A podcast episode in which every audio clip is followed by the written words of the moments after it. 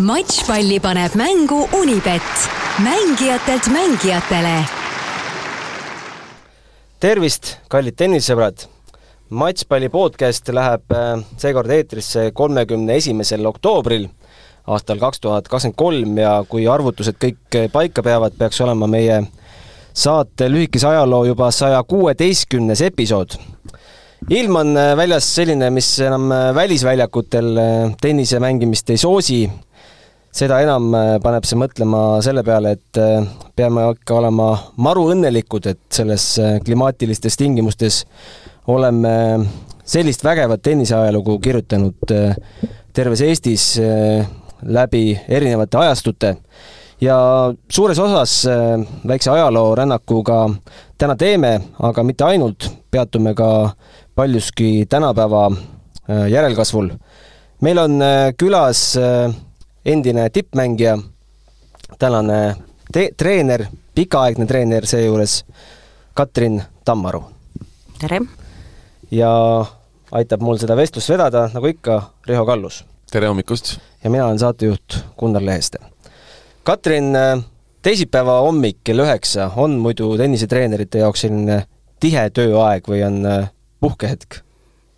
ei, tööaega ei ole, et lapsed on ju koolis ja töö ajal, tööaeg algab siis, kui kool läbi, minul kell kaks. Äh, teil kell kaks, äh, palju teil hetkel lapsi treenib? praegusel hetkel teie käe all? no vist kuskil kuuskümmend. kas see on optimaalne ühele treenerile või on seda palju, vähe? no ma arvan, et äh, see süsteem, mis meil on, et on ta jah, optimaalne, et minul on seal väikesed ja siis need, keda ma ei ole nagu edasi andnud võistlusgruppidesse äh olete te muidu suur matšpalli podcasti austaja, olete te mõnda episoodi kuulanud? no ma kuulasin ja Leena Lapimaad ja Sass Jürgensit ja äh, Leena Lappimaa on teie, mitte päris teie ajastu, aga ta oli ikka natukene vanem, eks? no ta on minust vanem jah, aga aga minul oligi selline tore aeg, et äh, kui ma juba hakkasin nagu rohkem mängima, et siis minul olidki ees Leena Lapimaa, Liidia Nurme, Tiiu Parmas, et neist jagu saada oli nagu selline üks eesmärk. no ma arvan, et äh, jätaks selle ajalooploki sinna saate teise poolde, et äh, räägiks hetkel ikkagi meie noortest, meie järelkasvust, kui vana, vanu lapsi te treenite? No kõige nooremad on viis-kuus praegu. oli ka aeg, kui oli jah, nelja-aastased seal, aga praegu on viis-kuus kõige nooremad. viis-kuus, äh, need on päris esimest korda reketit kätte võtvad lapsed? jah. miks teile meeldib olla treener? E-, esi, see eeldus on see, et teile meeldib. ma ei hakka seda kas-küsimust küsima, et ma eeldan, et teile meeldib. meeldib. mis selle töö juures paneb silma särama? No võib-olla need lapsed ise siis seal. jah, kui sa oled saanud seal no alguses läheb muidugi natukene aega, et sa saaks neid sinna rea peale, aga aga kui nad seal juba on ja nende poolt need rõõmsad silmad ja kallistused ja joonistatud pildikesed, kaardikesed, no ja siis, kui nad hakkavad ka midagi juba palliga tegema. palliga tegema jah, jah, jah, aga tegelikult on nüüd kaks kuud möödas, september-oktoober, ja nad mängivad jah, švampalliga juba seal ilusti vastu seina, üle võrgu. kas lastel üldiselt tuleb lihtsalt see liigutus ja arusaam, kuidas pall üle võrgu käib? no eks kuidas kellelgi, jah. seal kaks last oli küll niimoodi, et esimene tund ja mängisime üle võrgu. no see liigutus varem... ei ole ju muidugi jah, nüüd see tennise päris lõplik õige liigutus, aga ka enda eest ilusti ja tõstavad palli üle võrgu ja ja saavad hakkama, aga mõnel muidugi jah, ei tule välja nii lihtsalt ja aga no lõpuks ikka. miks üldiselt eh, lapsed satuvad tennisetrenni? see ei ole ju, nad ei, nad ise ei vaata ju veel telekast tennist, et ma nüüd tahan minna mängima, vaid see peab tulema ikka lapsevanemalt. jah, mul seal praegune grupp, kes neid väikseid on, ongi kõik sellised, kellel on eelnevalt mänginud kas õde või vend või siis ema või isa ja mõni isegi, jah, seal isa, üks isa on ka, kes on minu endine õpilane, et äh, kuidagi ringiga nad tulevad siis tagasi, jah. Äh, kas see on ainus selline ringiga tagasi tul-, tulnud perekond või on see nagu perekondi rohkem teie käe alt läbi käinud? on küll, jah, jah, jah. ja kas see, ega nii palju vist ikka ei jõua, et vanaisa juba jõuab? praegult on isa ja, isa ja poeg või siis tütar, jah? vanaisatega ma pean nüüd nagu mõtlema vanaisatega koos mänginud äkki? võib-olla vanaisatega koos mängid, jah, jah. kas sa varasemalt, Katrin, sa mm, oled nagu ka täiskasvanutega te teinud, teinud tunde või sa oled äh, laste juurde juba algusest peale lastega tegelenud või? Nojah, ikkagi lastega, aga selliseid eratunde ja ja neid muidugi ka jah, täiskasvanutega ka mis, mis aasta see oli, sa mäletad, mis aasta see oli, kui sa alustasid, alustasid üldse pisikestega? päris pikalt juba? no peale peda lõppu jah, kaheksakümmend neli oli peda lõpp jah. aga ma veel mängisin kaheksakümmend viis ja kaheksakümmend kuus sündis poeg ja no peale seda siis tulin tennise juurde või tennisetreeneri aga kui seda kaheksakümnendaid vaadata ja neid äh, lapsi, kes siis tennisesse tulid ja, ja kõik see, kuidas see metoodika tol ajal oli ja ei olnud ju oranži ja punast ja täpiga palli ja mängiti ju puure, puureketiga ja Leningradi palliga võib-olla, et, et kas see, kuidas see nagu muutunud on ja kuidas need, äh, kas lapsed on ka muutunud? no eks ikka on jah, jah. no Leningradi palli enam ei olnud ära sa nüüd nii ka kaheksakümnendatel oli küll, mina mängisin küll kaheksakümnendatel Leningradi palli. ei, aga noh, kaheksakümmend jah, kuus-seitse seal. aga no pallidega oli raskusi jah, ega neid palle nüüd nii ei, ei olnud, et sul, aga, aga sedavõrra jah, et see, et neid švammpalli ja neid värvilisi palle ei olnud, oligi lastel võib-olla jah, raskem ju, see algus raskem. millal švammpall tuli? ohoo, millal see Play and Stay seal tuli? Oli see selline ohoo-efekt, et oo, et nendega on hoopis parem või, või kust selle peale tuldi üldse? no see oli see Play and Stay.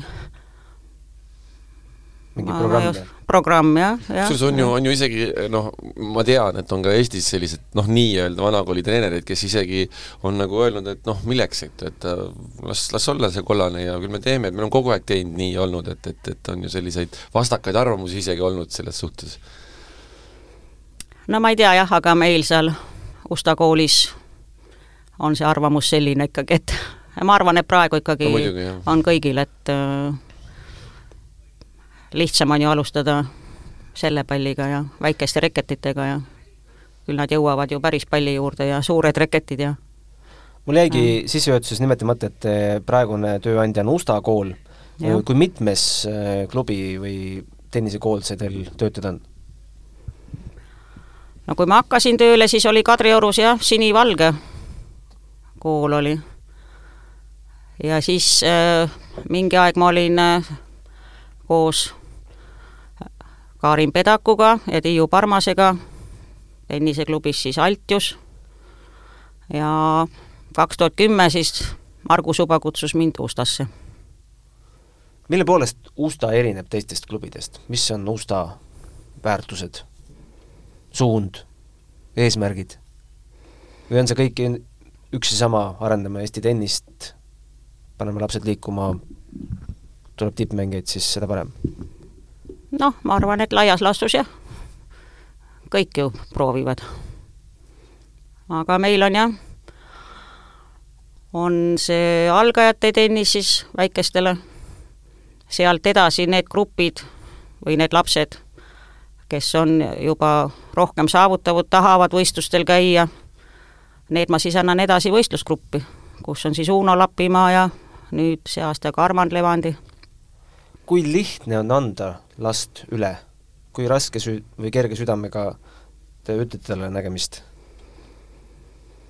või on see just rõõm, et ta saab anda tugevamasse üle? jah, ma arvan pigem sedapidi, sest äh, kui mina mängisin, siis oli ju ka, et need, kes juba paremini mängisid ja võistlustel käisid, et siis olid koondised, noortekoondis, hiljem täiskasvanute juurde sain. et ikkagi, kui paremad mängivad omavahel ja harjutavad ja et äh, siis sealt tuleb sealt tuleb ikka lõpuks parem tulemus.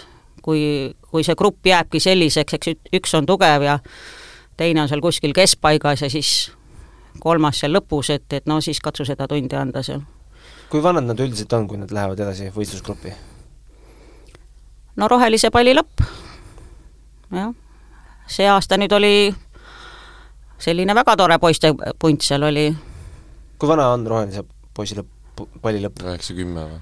üheksa, kümme, aga seal nüüd olid jah, nagu selline tublim seltskond, et äh, seal oligi Margus Ubapoeg siis oli Inkide, Inkide kolmas vend, väike Stennu, ja Saluste poiss ja, ja siis äh, kõik sinu õpilased? Vilmsi, jaa, Vilm-, Gert Vilmsi siis õepoeg, nii et sellised kõik, kes tennisega väga seotud, tennisega väga seotud ja, ja need poisid ka siis nagu kiiremini jõudsid sinna punkti, et, et anda neid edasi. ja Kas... selles mõttes oligi rõõm anda, aga poisid ei ole mind nagu jah, et nad tulevad mulle tundidesse ja mängivad seal väiksematega ja ja, ja noh, ikka me oleme koos seal. Kas see on üldiselt eesmärk, kui, kui te last maast madalast hakkate juhendama, et et ta jõuaks sinna võistlusgruppi või, või kõik ei peagi jõudma? no kõik ei peagi ja kõik ei jõuagi jah, aga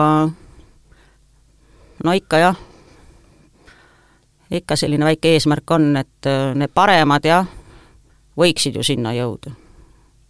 aga no see on, see on ka läbi aegade jah, et seal mingi punt nagu, nagu saab seda ja siis tuleb nagu mingi vaheetapp, et kus ja noh, ei ole selliseid, et alguse sai ju jah, oli meil,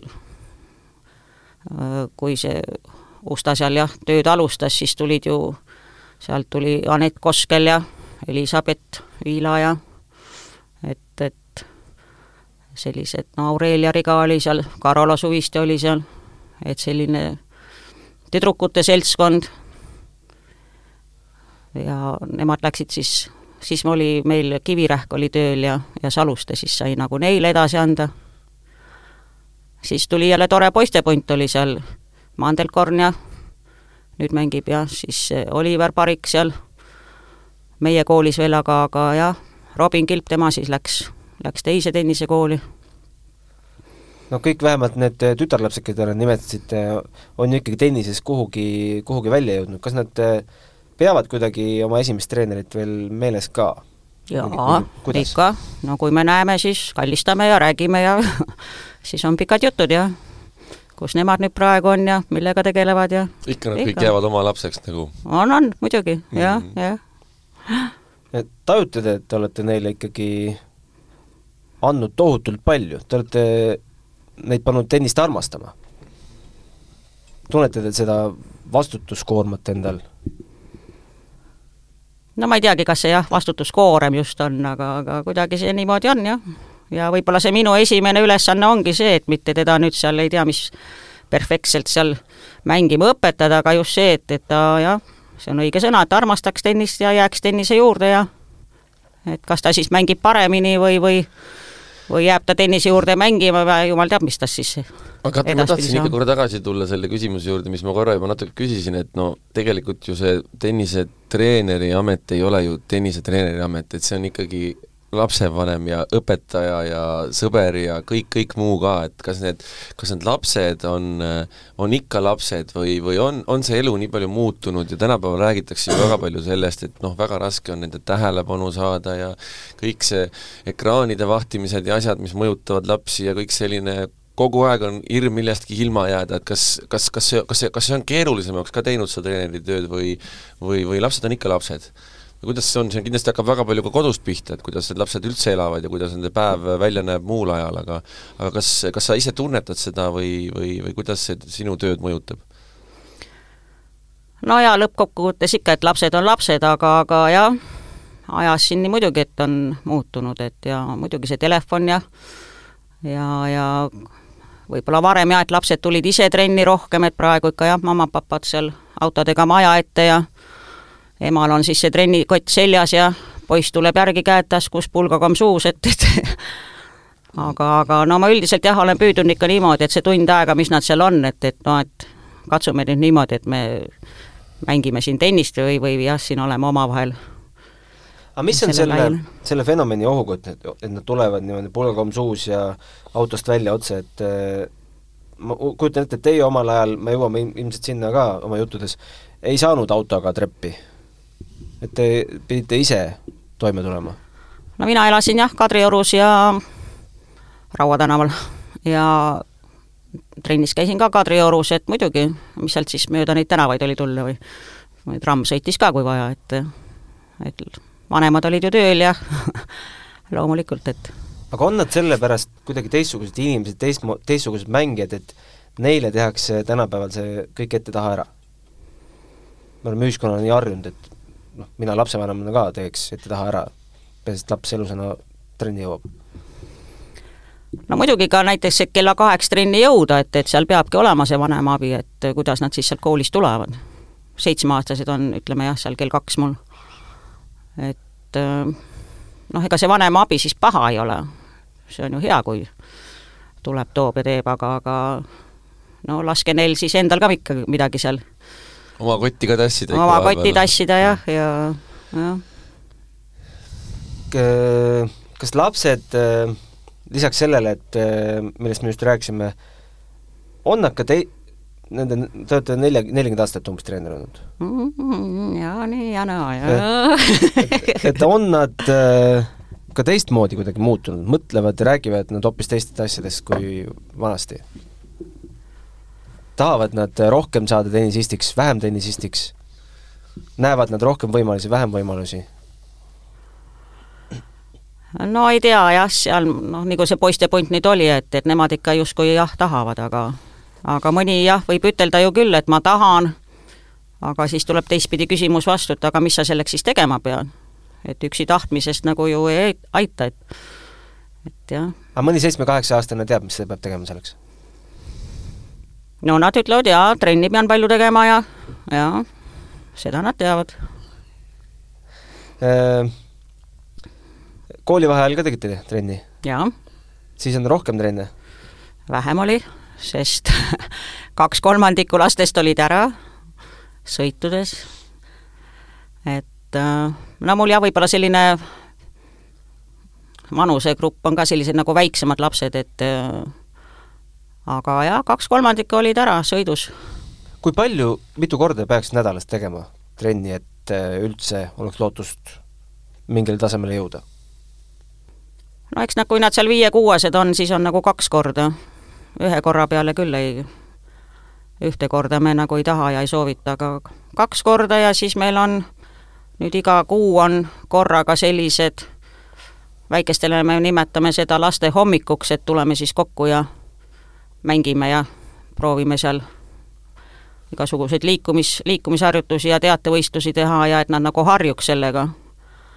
et mis neid kunagi ees ootab, see punktimäng, et siis nad ei oleks nii hirmul.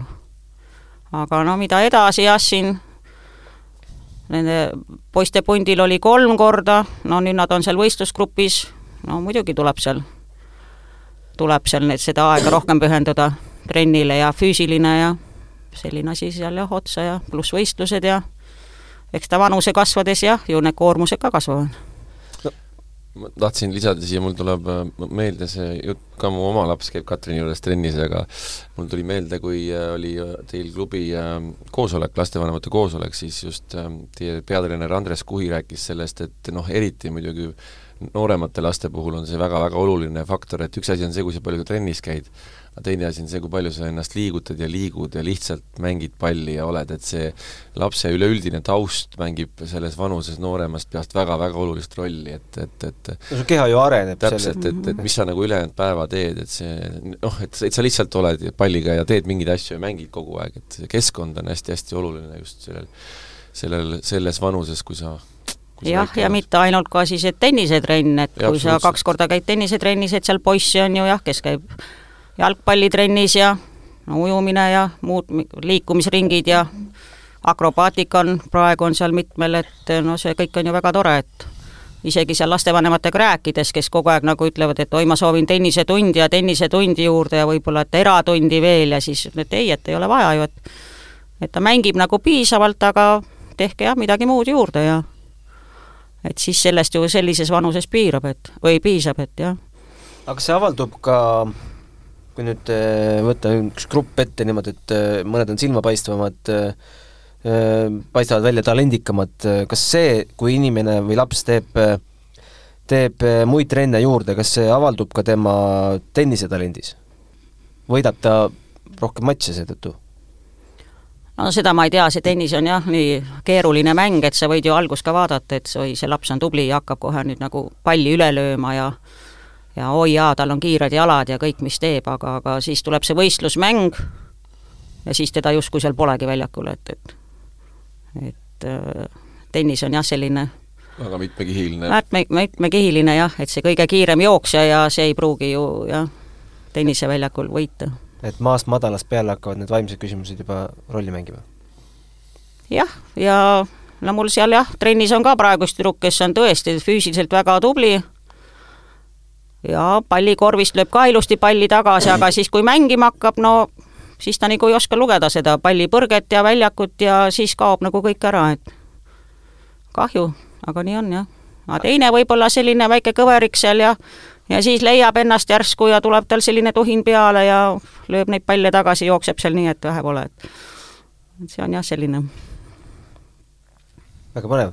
Äh, tahtsin veel, mis küsimus mul oli huultil, huulel enne, kui Riho, Riho äh, sekkus, oli see, et äh, kui õpetajad alustavad uut hooaega, neil on ees, mis on õppejuhend, mis on riiklikult kinnitatud, kõik võtavad ette, millest tennisetreener lähtub, kui ta alustab uut hooaega, kas teil on mingi juhend, mingi tabel, mingi, mingi asi, millest juhinduda? no see tabel on juba aastatega peas, aga aga no kui tuleb uus grupp kokku, siis on alguses, läheb ikka aega nagu selle peale, et neid sinna jah, kokku liita ja ja hakata nagu neid ühistegevusi seal tegema ja et neil on ikka need pead laiali otsas, siis noh, nagu luik, kaug ja vähk, siis igaüks seal kisub eri kanti, et nad jah, panna seal koos asju tegema ja aga jah, nagu ma ennem ütlesin ka, et äh, kahe kuuga on nad seal juba omavahel sõbrad ja ja noh, oleme selle asja nagu käima saanud. loomulikult jah, alguses kohe see distsipliin nagu et ei ole nii, et, et sa tuled sinna trenni ja teed, mis sina tahad, et, et sa tuled sinna trenni ja teeme asju koos, jah. aga mingi riiklik juhend selles mõttes, et et vanuses seitse võiks äh, laps osata tennisereketiga teha juba seda ja seda, seda, kas see on, ma vist tean, et jalgpallis vist treeneritele antakse selline, et äh, siseküljesööt võiks olla juba kümneaastaselt äh, no jaa, meil on muidugi jah, seal on need värvilistel pallidel ka jah mis sa justkui peaks oskama ja on, on jah, see on olemas ju. see uus Tennis kümme on ju ka, see programm on ju seal jah, olemas. Äh, ma lasen siia vahele ühe kohustusliku kõlli ja siis ma arvan, et me võiks natukene äh, mälusoppides ja ajaloos tuhnida suuremate ja väiksemate võistluste matšpalle vaata Unibet tv-s, kus sind ootab aastas ligimale sada tuhat tasuta otseülekannet. Unibet, mängijatelt mängijatele. minu arust alati, kui meil äh, satuvad sellised inimesed, kellel on palju, palju meenutada ja kes on tennises äh, nii mõndagi näinud, siis alati on huvitav küsida, kuidas nad jõudsid tennise juurde see lugu on alati erinev, kellel värvikam, kellel vähem värvikam, aga alati põnev. Te olete sündinud aastal kuuskümmend üks, millal ja kuidas te jõudsite tennise juurde? no minu lugu vist väga palju ei erine siin ka teiste omadest, et minul on kaks aastat vanem vend, mõlemad me käisime jah, kahekümne esimeses keskkoolis Raua tänaval, elasime ka Raua tänaval kooli ligidal alles oli suur kahekümne esimese keskkooli mingi juubeli jaa, jaa, käisite seal? sada kakskümmend, jaa, ikka. Nii, Raua tänaval äh, kahekümne no ja vend ja... jah, vennal siis, ma ei oska nüüd öelda päris täpselt, millal teda sinna trennise trenni kutsuti, et kas see nüüd oli just tema esimene klass või teine klass, aga tema seal hakkas käima ja no nagu siis ikka, et mitte küll ka päris kohe, kui tema oli seitse, et mina nüüd viieselt sinna läksin, aga võib-olla jah, kuueselt jah, temaga sinna kaasa ja tema treener oli Rein Sander, no muidugi, tuli treener ja ütles, et mis sa siin niisama seisad ja puulabidas kätte ja pall on siin, et proovi ka toksida siis. eks ma siis seal toksisin vastu seina ja mäletate ennast nii väiksena? Ma ei usku seal spordikoolis ennast, Mererajoni spordikoolis oli see, et kus sa asusid? Kadriorus ka jah mm, -hmm. kus on need no vanad jah, need Dünamo väljakud, nüüd nad on siis seal ju Kadrioru tennisekool. seal kõrval, praegu on seal see lastepark peal mm, -hmm. seal olid ju tenniseväljakud ja seal oli ka tennisehall, eks ju, see üks, üks väljak oli või kus või oli see uisu ei, see oli jää, jää, jääl, jah. seal tennist ei mängitud, jah? ei, ei, ei, jah. see oli jääl, oli jah, see, mis aga ära... minu, minu ajaks ta oli jah, juba üsna selline lagunenud mm -hmm. seisus seal, et mm -hmm. aga, aga seal seina ääres ma ennast selle puulabi taga ei mäleta just, aga, aga hilisemalt küll jah, kui juba see õige reket oli, et siis ma mäletan küll, et neid vastu seina sai seal hästi palju nagu jah, mängitud et kõik need lauajupid olid seal teada, mis põrkab ja mis ei põrka ja kus see oksakoht oli ja ja, ja siis sai seal jah hästi, vastu seina sai ikka hästi palju mängitud, jah. aga toona väga palju nendest lugudest, äh, nagu te ütlesite, see ei erine väga palju äh, teistest, kes meil on siin käinud, Toomas Leiusest, äh, Leena Lapimaast, ega see ei ole ju nii, et lapsevanem läheb käe kõrval trenni, ma nüüd toon oma lapse teile trenni. ühel hetkel te, te, teie pidite koju minema ütlema, et nüüd ma käin tennisetrennis. leppige sellega ja leppige. ei, minu vanematel oli väga hea meel, et, et ma ja vennaga koos käisin ju. et oleks üks käinud võib-olla ühte linnakanti ja teine teise, et siis oleks nendel ka muret rohkem, aga, aga aga sinna jah, ei, vanemad olid selle üle jah aga vanemad võtsid ka reketi kätte, vanemad mängisid või? ei, ei. ei mänginud üldse tennist? aga toona, kus üldiselt äh, lapsed käisid trennides, millistes spordialades? kas nagu tänapäeval, et jalgpall, korvpall, võrkpall, ja no ma mäletan, et kooli tuli jah, kahekümne esimese kooli juures oli ujula ka, teisel pool maja küll, kui praegu, eks. tuli ujumistreener sinna, no meil olid ja need ujumistunnid. no ja soovis mind ka sinna ujumistrenni, aga ma kodus isegi ütlesin emale, jaa, ma lähen nüüd ujumistrenni, ma ütlesin, et ei, ei, et ole nüüd, et mine ikka, mine ikka ja, et käi ikka vennaga koos ja et ole seal. siis tuli korvpallitreener, tüdrukud klassis läksid, ma ütlesin, no ma lähen korvpalli ka, et no ema jälle, et ei, ei, et, et sa juba alustasid tennisega, et, et aga mul ei olnud tennise vastu mida, aga, aga lihtsalt jah, et, et no energiat oli palju, et oleks ju võid siis no jah, see, seda ma mäletan jah, ujumine ja korvpall oli küll. aga noh jalgpalli, no seda ma jah ma ei oska öelda, poistel võib-olla muidugi oli. aga seda mäletate, millal teil endal tekkis see võistlustuhin, et nüüd ma tahangi tennisistiks saada? No see aeg ei olnud ju niimoodi jah, et viie-kuueaastased ja siis justkui jah, kaheksa-aastaselt ma pean ei tea mis mängima ja kümneaastaselt juba olema tšempion ja et kui ma siis ei ole, et siis justkui midagi ei saavuta, et vastupidi, et esimene edetabel, mis välja tuli, oli vanuses kaksteist ja no võib-olla ma alustasin võistlustega, no ma ei oskagi öelda, üheksa-aastaselt, võib-olla üheksa-kümme seal. Ja kaksteist olid siis juba edetabelis. ja sealt noh, niimoodi nagu tasapisi, et edasi. ei olnud nii, et kümneaastane ja vot nüüd sa pead olema tegija seal. oma esimest suurt võitu mäletate mingis noorteklassides? no kaksteist vanus oligi, D-klass oli siis vanuste järgi tuli D, C, B ja A klass olid seal siis kaksteist, neliteist, kuusteist, kaheksateist vanus ja kaheteistkümneaastaselt olin ma ka Eesti esivõistlustel olin esimene. aga seda tunnet mäletate, kuidas, kus, kui te läksite noorteklassidest üle täiskasvanute klassi ja te saite aru, et äh, tulebki välja, et äh, kuulutegi sinna? noh, ma lõpuks jõuame ka sinna, et teil on kokku üksikmängus täiskasvanutes kaks kulda, üks hõbe, kaks pronksi, paaris mängus neli kulda, neli hõbedat, kaks pronksi ja NSV Liidu karikavõit äh, naiskonnas, äh, NSV Liidu noortemeister paarismängus, hõbe segapaarismängus, pronk ük-, pronks üksikmängus ja seda loetelu võib jätkata veel erinevate tiitlitega. aga mäletate, millal te tegite selle läbimurde? no ma mäletan seda, et äh, vanas tennisehallis oli ka Eesti edetabel oli seina peal. ja treener justkui iga aasta mööda minnes näitas, et näed, järgmise aasta lõpuks sa võiks olla selle koha peal. muidugi näitas seda ülespoole. aga see oli veel treener äh, treener Rein Sander, jah mm. -hmm. ja algus tundus see küll, et oi-oi, et kas nüüd liiga aga aasta lõpuks oli see täidetud, nii et ta ei, ei andnud selliseid ulmelisi eesmärke, aga kõik, mis nagu paras oli. Ja neliteist vanus, ma just vaatasin, olin edetabelis kaheksas ja kas siis oli see, kus esimene pronks tuli, viisteist vanus, täiskasvanute täiskasvanute seal Eesti omadel. kas te võtsite viieteistaastaselt pronksi?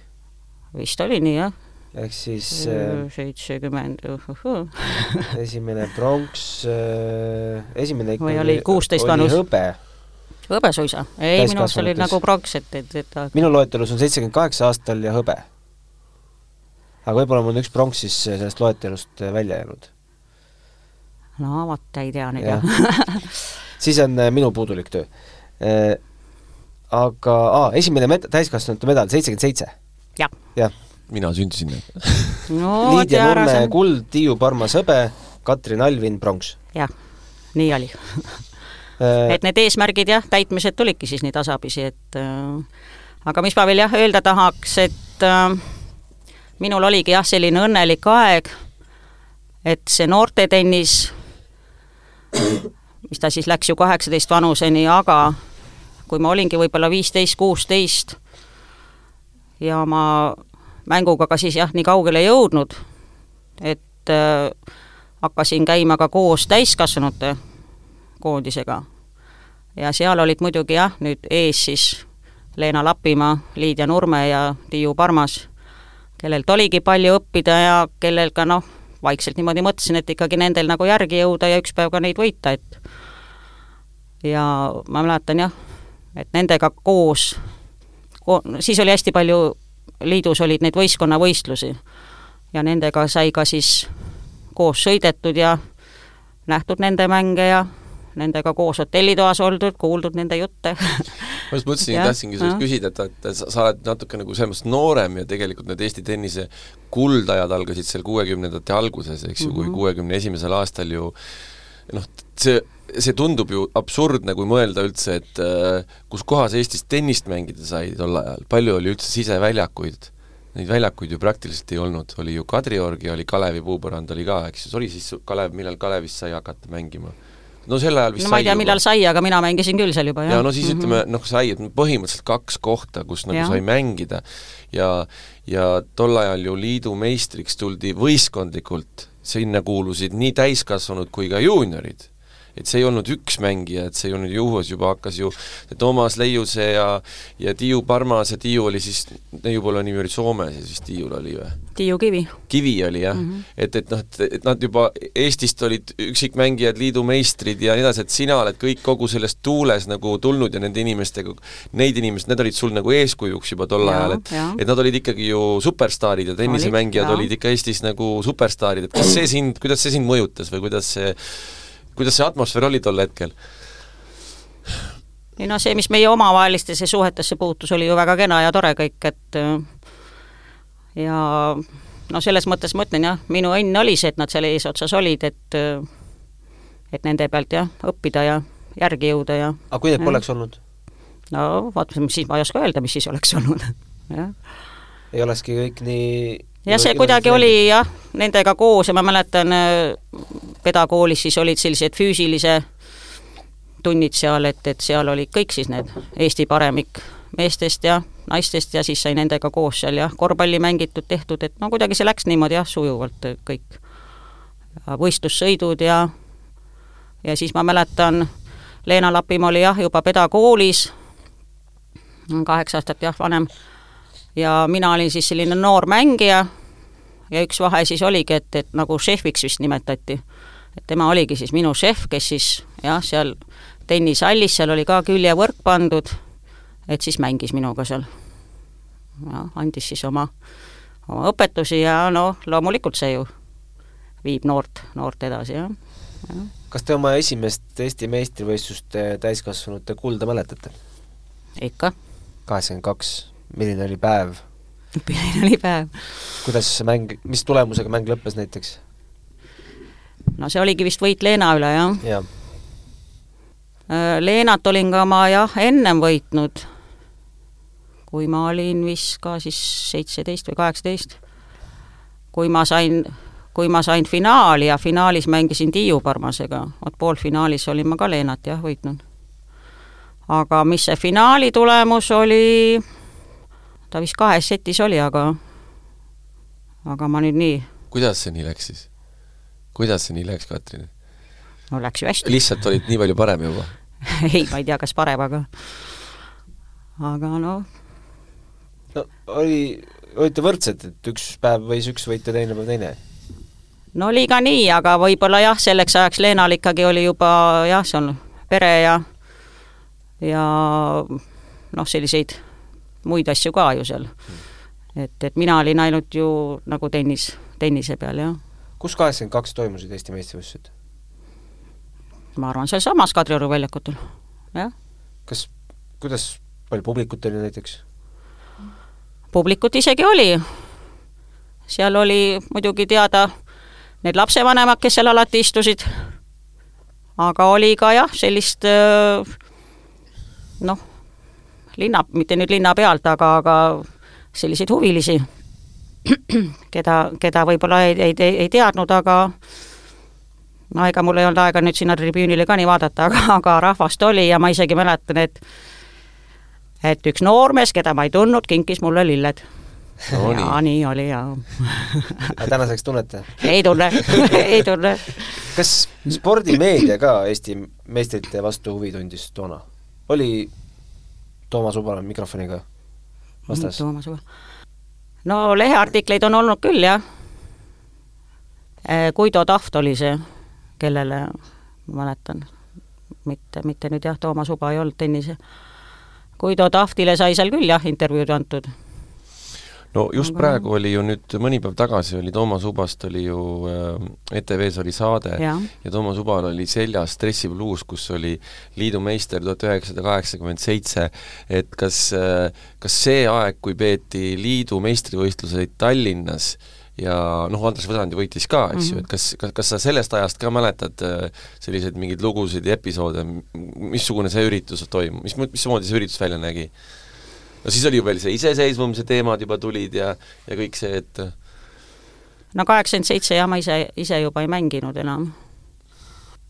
no ma ei oska jah, nende võistluste kohta nüüd konkreetselt öelda, aga, aga meie aeg olid jah, need igasugused LKNÜ karikavõistlused ja raekarikad ja mis kõik, et äh, kaheksakümmend seitse jah, ma neid ei oskagi nagu kommenteerida nii.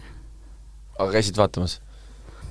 no ma ei tea, poeg oli jah aastane, et kas ma kas ma, ma ei mäletagi, kas ma käisin. kui palju te koondisega saite reisida? vot see arv on ka kuskil kirjas. kindlasti? jaa, jaa, see on kuskil kirjas, kui ma nüüd tuhlaks oma nendes ajalehe väljalõigetes, siis leiaks selle kätte ka. Teil on äh, kodus kõik välja lõigatud?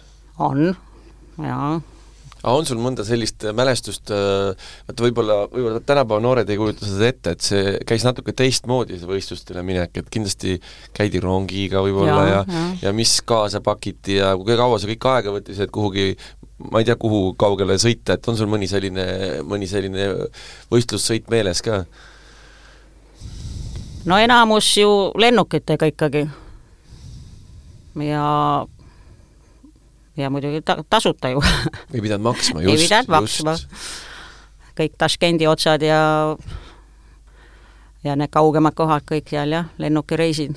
aga muidugi oli jah, et seal ka rongidega ja no ei olnud just niimoodi, et nüüd mitu päeva sa oleks pidanud kuhugi kohale sõitma, aga, aga selliseid oli küll jah, et, et lennukid ei väljunud ja siis istusid seal lennujaamas ja siis hõigati justkui sind jah, juba sinna, et, et saad lennukile, aga, aga ja olid ka juba lennuki peal, aga lennuk ei väljunud ja siis ronisid jälle tagasi sinna lennujaama, et et selliseid oli küll ja kuskil oli kas see, mis koht see siis seal oli, Suhumi või Batumi, et justkui tuul puhus valest, valelt poolt ja lennuk ei saanud õhku tõusta. ja siis me istusime küll, ma mäletan, oli nagu mingi spordistaadion oli, et äh, no kaks päeva oli see kindlasti, kui mitte kolm päeva, et ootasime seda õiget tuulesuunda, siis käisime seal lennujaamas ja siis jälle sinna tribüünide alla siis tagasi, et et lennuk ei, ei, ei tõusnud õhku äh,. Tabelis, mis minul on lahti äh,, näitab, et äh, aastal tuhat üheksasada seitsekümmend üheksa võitsite mõned medalid Harkivis U kaheksateist vanuseklassis Nõukogude Liidu meistrivõistlustel. sellest mäletate midagi? Mäletan üksikmängus jah, oli pronks ja tabel oli selline, et just poolfinaalis oli mul selline vastane, keda ma mäletan, et, et no tema ja see mängustiil mulle ei sobinud. teisel pool oli jah, minu paarismängu partner, Ukraina tüdruk Marina Ješenko, kellega me võitsime siis kulla paarismängus. et, et oleks ma võib-olla, no ja võib-olla või mitte võib-olla, sattunud nagu tema poolel mängima poolfinaali.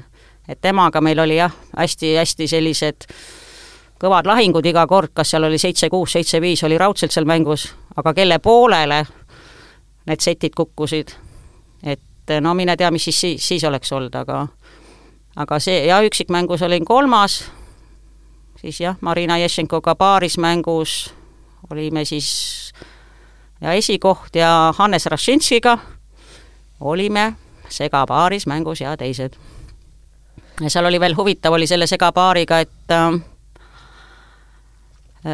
jah, poolfinaali pidime mängima ja seal olid üsna ikkagi tugevad vastased. ja tuli selline vihmasadu, no see ei olnud vihm, see oli sealt nagu ämbris kallati, kallati alla. ja siis pandi meid mängima saali. ja ma ei tea, mis jah, tuhin siis Hannesel peale tuli, et ta oli maailma parim jah, siis segapaari mängija too, too moment, et ja saime finaali. ja huvitaval kombel jah, finaal oli väljas, mis oli nagu Hannese ju lemmikväljakud, aga väljas meil nagu siis enam nii hästi ei õnnestunud. et jäime teiseks. aga kas nendel võistlustel, need olid ikkagi noortevõistlused, kas seal ka publikut oli, rahvast palju või selline nurgatagune rohkem? ei, ei, suured võistlused ikka jah mm. -hmm.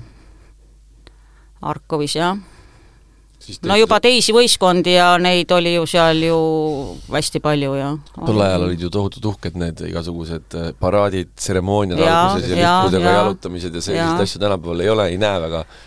ennem seda individuaalvõistlust oli võistkonnavõistlus. võistkonnavõistlusi jah, nagu ma ennem ka mainisin, et oli hästi palju. ja see pilt on mul ka olemas, et kus me siis Eesti koondis seisab, seisab, seisab seal jah, treener Tõnu Sventer oli meil siis kaasas olime siis oma pundiga. ja seal on jah, seal, seal olid ikkagi, no mina, Hannes olime jah, Aivo Ojassal oli, Ülle Milk oli, no too aeg jah, Miller oli mängimas, Kaja Kõnd oli juba jah, siis seal koondises. et, et nagu selliseid hil-, hilisemaid jah, kas siis tennise juurde jäävaid inimesi ja ja, või hästi mängivaid inimesi oli juba jah, seal siis olemas. kas mõne Ukraina mängijaga olete jäänud hiljem ka suhtlema, võib-olla tänapäevani isegi? ei, ei ole jah. ei, nii ei ole jah äh,. Aga mis hetkel siis äh, tekkis plaan, et äh, peakski minema pedasse ja õppimegi treeneriks?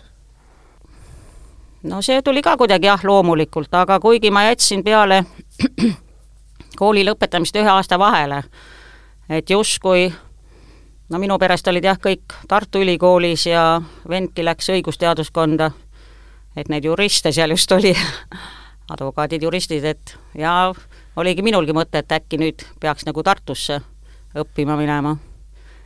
aga see vaheaasta just oli kuidagi selline õpingute vaba ja ja, ja tennises seal just läks hästi ja ikkagi need, kes nagu tennist mängisid, et et läksid jah, sinna pedakooli edasi.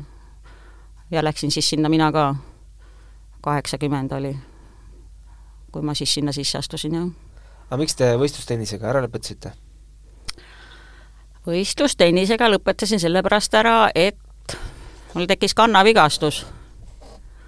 kannavigastus ja noh, ma ei tea, kas siis Nõukogude meditsiin või mis see siis oli, et ei saanud nagu jälile, et mis seal siis mis seal siis oli, et tekkisid sellised võistluspausid ja noh, siis jälle uuesti nagu raja peale saada ja noh, siis justkui nagu tulid tagasi ja siis hakkab sul uuesti seesama jant pihta, et siis lõpuks nagu jah, kaheksakümmend viis, jah, kaheksakümmend viis ma siis panin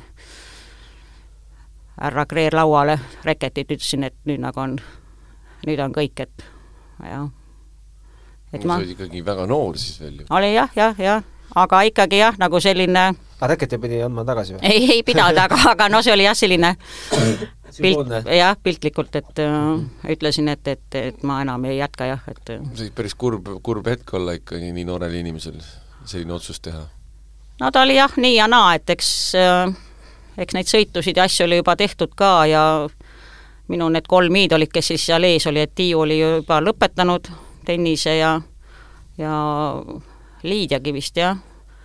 Leena, Leena nagu mängis, aga vot kaheksakümmend kolm ma ju finaalis võitsin jah Liidiat, et, et justkui nagu see minu unistus, mis tol aeg oli, et nendest jah, vot see edetabeli tipp, mis siis seal seinal oli, et see oli nüüd nagu mul täidetud, no mitte täidetud, ma ei mänginud kunagi niimoodi, et jah, et ma nüüd oleks pidanud seal seda täitma, aga, aga, aga jah, nemad olid võidetud, seal liidus oli justkui käidud ma, ei olnud niimoodi, et mööda maailma ju need võistlus oleks olnud, et, et ikka needsamad kohad kõik seal Venemaal ja ja no see pedakool ja kõik see, et, et kuidagi jah, oli nagu õige aeg.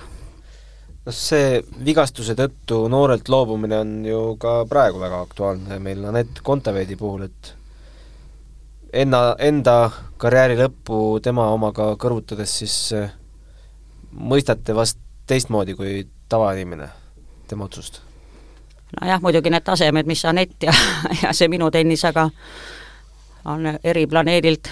aga jah, muidugi ma mõistan, muidugi ma mõistan, jah. aga kui Anetist juba juttu on, kas tänapäeva lapsed mm,, kas te tajute, et Anett on neile suur eeskuju ja Kaia ka loomulikult? kas nad räägivad sellest, kas nad ütlevad, et nad tahavad olla ka Anett? No tennise juurde võib-olla on jah, lapsi rohkem toodud ja praegu huvitaval kombel ongi seal nagu, no võib-olla on minu grupis seal, et ongi nagu tüdrukuid rohkem, neid algajaid. selle teene võib-olla muidugi jah, Kaia ja Aneti. aga, aga, aga väljakul nüüd olles ja teinekord ka jah, on nad ju mänginud seal kõrval, treeninud, et siis olen ja muidugi ütelnud, et, et vaadake nüüd, kes meie kõrval on ja aga nad ise ei tunne ära, jah? Ei, osad teavad, osad teavad jah, no mitte kõik jah. ja siis nad on muidugi elevust täis ja otsivad siis vanu, vanu palle, et, et saada siis sinna jah, autogramm peale jah, jah. aga noh, mõned on ka nii väiksed, et nad ei oska ju seda veel mõelda või tajuda, et, et mis need, mis need kaks ikkagi siia Eesti tennisele on andnud, jah. Äh, kas teie muretsete Eesti tennise tuleviku pärast? kas te või olete veendunud, et et äh, uued Kaiad ja Netid on kuskil olemas? no mina loomuselt olen selline rõõmsameelne ja optimist, et, et, et ma nagu väga muretsemisega ja mis ma, mis see muretsemine, et mis see muretsemine annab? Katrin toobki need uued, et Katrin ei muretse. teeb igavat tööd selleks, et need uued tulevad. ja, ja ei, ma arvan jah, muidugi see on raske, raske, aga, aga noh, võib-olla tulevad siis jah, vahepeal seal jälle sopid ja ja see poisid ja noh, laial on ju praegu ja võib-olla siis järgmise lainega jälle tüdrukud, et jah. sa korra nimetasid ka neid nimesid, keda sina oled treeninud, aga võib-olla sa korra veel mõtled, et kui sa, kui sa üldse vaatad kogu sellele treeneri perioodile tagasi, et võib-olla sellised nimed, kes on, kes sul meelde tulevad kohe, kes on tennises nagu läbi löönud või jõudnud kuhugi, kes sinu juurest läbi on käinud või on sinu juures alustanud no varasemast ajast on treeneri töö peale. et Roland Kiil on enda kolleeg ju ja Viimsi Ustas. siiamaani mängib väga hästi. jaa, jaa, ja väike poiss oli, tuli, oli näha kohe, selles poisis on sellised jah, kuldsed lokid peas ja, ja tahet täis ja siis Johannes Raun on ka enda kolleeg Ustas. soo, näed, kõik Usta treenerid, sinu õpilased Nadja Šein on minu juures ja, alustanud jah, et, et väga hea mängija olnud ja praegu treener, et et kuidagi jah, need treenerid sealt varasemast ajast, aga, aga aga jah, nagu ma jah, ennem ütlesin, et siis see Anett Koskel ja, ja siis nende pundis sealt. jäi veel puudutamata, et teil on tegelikult ka endal ITF-i konto täiesti aktiivne veel. veel kaks tuhat viisteist käisite seenioride võistlustel mööda maailma Ehm, kaks tuhat viisteist oli see siis esimene või? kaks tuhat viisteist näitab eh, hetkel seda viimast, vähemalt üksikmängus. Paarismängus võib olla mõni hilisem veel isegi. ei, paarismängus ka kaks tuhat viisteist ja viimati käisite äh, ITF Seniors Teams Maria Ester Bueno Cup ja Prantsusmaal Le Baules. ja, ja ja ma olen vist neljadel võistlustel käinud, esimene oli Mallorcal, siis Mehhiko, Türgi ja vot siis viimane see Prantsusmaa. no ja see temp sai ka tehtud jah, et äh, aga miks te seda tempuks nimetate no vot, kui enam ise ei mängi ja aga võistkond oli olemas ja ka samamoodi minu see... vanuseklassis äh, ka minuga jah, ütleme ju lapsepõlves alustanud mängija Kaie Ülper ja Merike, Merike Seer, nendega me olime siis esimestel võistlustel. hiljem oli ka jah, Kaja, Kaja Kirspuu praegu, neiu nimi, neiu nimega siis Kaja Toor, kellega me siiamaani ikkagi jah, oleme suured sõbrannad ja ütleme, paarismäng Kajaga on olnud ikka niimoodi, et no sa ei pea selja taha vaatama, et sa tead, mis toimub. Kajaga me jah, juba seal lapsepõlvest saati, et äh, kuigi aasta vanem, et, et üks klass siis võib olla noh, üks klass ta läks nagu ettepoole, aga ma mängisin ka vanemas klassis kaasa, et meil nagu see paarismäng omavahel väga hästi sujus ja, ja saime, saime nagu häid võita. Ja kus see siis oli, oligi Prantsusmaal, et võitsime ühte väga tugevat Austraalia paari seal, mängisime koos, et selle üle oli nagu nagu selline noh, nagu hea meel ja noh, selle ühe mängu pärast juba tasus sinna minna. aga muidu üldiselt on jah ikkagi raske, et kui sa ise ei mängi ja ei treeni ja lähed nüüd sinna ja mäng, hakkad mängima neid üksikmänge, et ütleme, võistkonna teiste numbrite vastu justkui veel saad, aga no esinumbri vastu ei saa, et ja see nõuab nii palju, kui sa nädalaga mängid seal ikkagi seitse või kaheksa mängu, et no see on ikka, tänan küsimast. no turniirisüsteem õnneks on ikkagi selline, et teil rohkem on siin võite kirjas kui kaotusi et alagrupis äh, lastakse ikkagi mängida, ei ole kohe play-off? jaa, seal on alagrupid jah, jah. aga olete ju ka tegelikult, ma tahtsin küsida, et kas te praegult ka mängite? ei. Aastal kaks tuhat kakskümmend mängisite veel väga kõrgel areenil koos, äh, jagasite väljakut isegi Anett Kontaveidiga oli selline paaris, paaris show-turniir, meistrite turniir, viidi vihma sada kallas, ma mäletan, ja toimuski erandkorras Tondi tennisekeskuse siseväljakutel. ja pealt, see oli see, kas see oli koroona algus või? jah, see oli vist jah, kui mängisid Eesti, Eesti meistrid, Eesti meistrid mängisid omavahel paari ja, ja, ja jaa, ei, seda ma mäletan küll, mina mängisin Liina Suurvarikuga ja mängisime Katrin Sepa ja ei, Piret Ilvese vastu. tuhat on äh, üliialdatud, kuskil viissada ikkagi. no igal juhul jah, maja oli täis mis oli päris nagu jah, selles mõttes põlved ikka värisesid, aga aga, aga no vot, lastega mängides on nagu see, et, et äh, sa ju lööd neile tagasi, tagasi, tagasi, justkui minu mängus oli jah, trumplöök oli eeskä-, eeskäsi, aga, aga sellist äralööki ju enam nagu ei ole, et, et, et sa mängid ju tagasi ja tagasi, aga noh, teistpidi jälle viga ka ei tule ja siis Liinaga mängides, eks mina siis seisin seal oma eeske nurgas ja üritasin neid palle siis tagasi lüüa ja Liina siis pidi tegutsema. ja siis me tegutsesime siis edukalt, et me siis Katrinist ja Piretist saime siis jagu. et, et oma võistkonnale ma siis punkti too-, tõin jah, et, et meil oli siis Ivanovi pundiga vist olime seal, Ivanov oli meil justkui nagu kapten seal siis.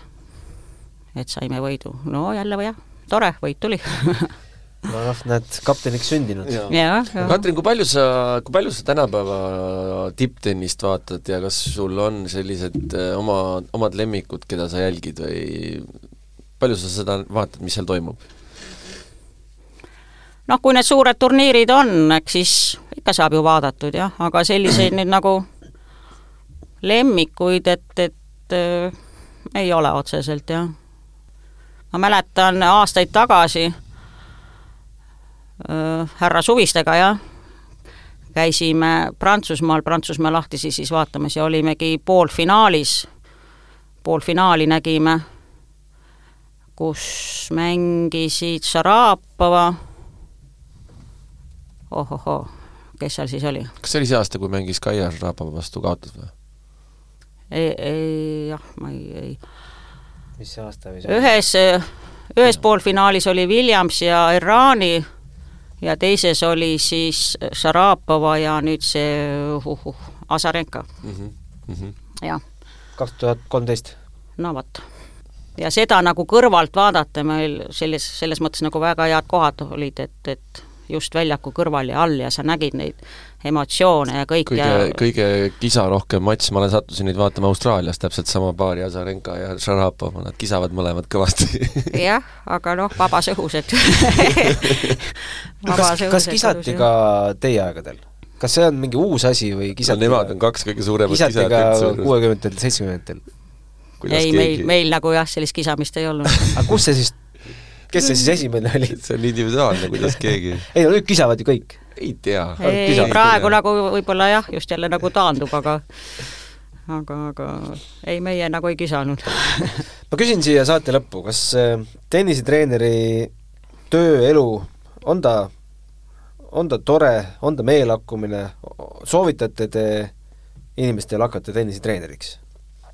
no ma soovitan neil, kellel endal selline soov on. et noh, vägisi midagi kellelegi soovitada ja pähe määrida ei ole ju nagu jah, et see peab nagu enda sees olema, sul peavad lapsed meeldima ja ja tahtma neile nagu midagi edasi anda ja õpetada ja et see on ikka inimese enda, enda soov selle koha peal seal olla. no treenerite palgad on ju väga suur teema olnud, ma ei tea, aastaid, aastakümneid siin Eestis, et kas selles vallas tunned, et äh, riik või keegi saaks midagi rohkemat teha? no vist on ka niimoodi, et, et eri klubidel ja kuidas need palgasüsteemid on, et ei ole sellist vist nagu ühtset süsteemi, et kellel on nagu see riikliku poole peal, aga meil Ustas on nagu jah, teistmoodi see seal välja mõeldud mm. -hmm.